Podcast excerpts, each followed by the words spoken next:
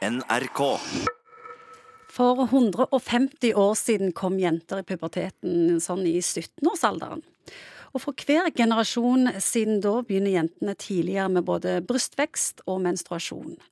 Og nå viser undersøkelser fra Danmark og USA at nå i våre dager kommer svært mange jenter i puberteten helt ned i 9-10-årsalderen. Og doktor Munkvik, hvor skal dette ende? Ja, hvor skal det ende? Det må jo, altså, På et eller annet tidspunkt så kan en ikke komme tidligere i puberteten. Ja, Fins det en nedre grense? Eh, nei, ja, det gjør kanskje ikke det. Men eh, det er jo helt riktig at de som kom i puberteten for 150 år siden, hadde jo en helt annen oppvekst enn eh, barn av i dag har. Både når det gjelder den sosioøkonomiske statusen, ernæringsstatus Så det handler om kosthold og, og ernæringsrik mat? Det handler om det. Det handler om hvor mye næring du får i deg på kort tid i barndommen. Sånn at en kraftig vektoppgang i tidlig barndom det er assosiert med at man kommer tidligere i puberteten.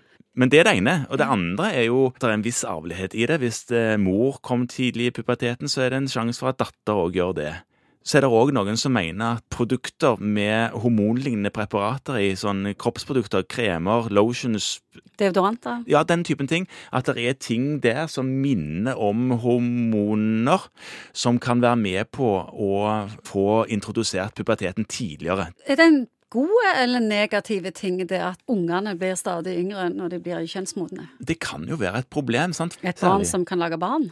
Det òg. Det er nå én ting at man er på en måte biologisk i stand til det, men man blir heller ikke så høy som man kunne blitt. Fordi at eh, man blir ferdig i puberteten før kroppsveksten er kommet der det kunne ha kommet. Du vet, Skjelettet vokser i lengde ved at det er noen sånne vekstsoner som, eh, som fins, og så lukkes de når man nærmer seg slutten av puberteten. Og når man da har lukka de, så kan man ikke bli lenger, ved mindre man kutter bein og drar det ut, og det gjør man jo ikke. Nå har vi snakket om jenter, men guttene òg kommer tidligere i stemmeskiftet. Er det sånn med de òg, at de òg stopper å vokse? Ja, det gjør de. Det ser man. Men både for kvinner, kvinner og menn så er det dette med kjønnsbehåring. Og for kvinner så har du jo menstruasjon. For menn så har du testikkelstørrelse pluss at man har stemmen. Ja. At man kommer i stemmeskifte og sånne ting. Men disse tingene her, de, de henger ikke bare sammen med hvor godt man er ernært, og hvor godt man har det i Norge, og, og dette med arv. Man ser òg at barn som er adoptert, kommer tidligere i puberteten. Vet, det vet jeg heller ikke helt hvorfor det er sånn, men det ser man. Og så lav fødselsvekt er òg assosiert med dette.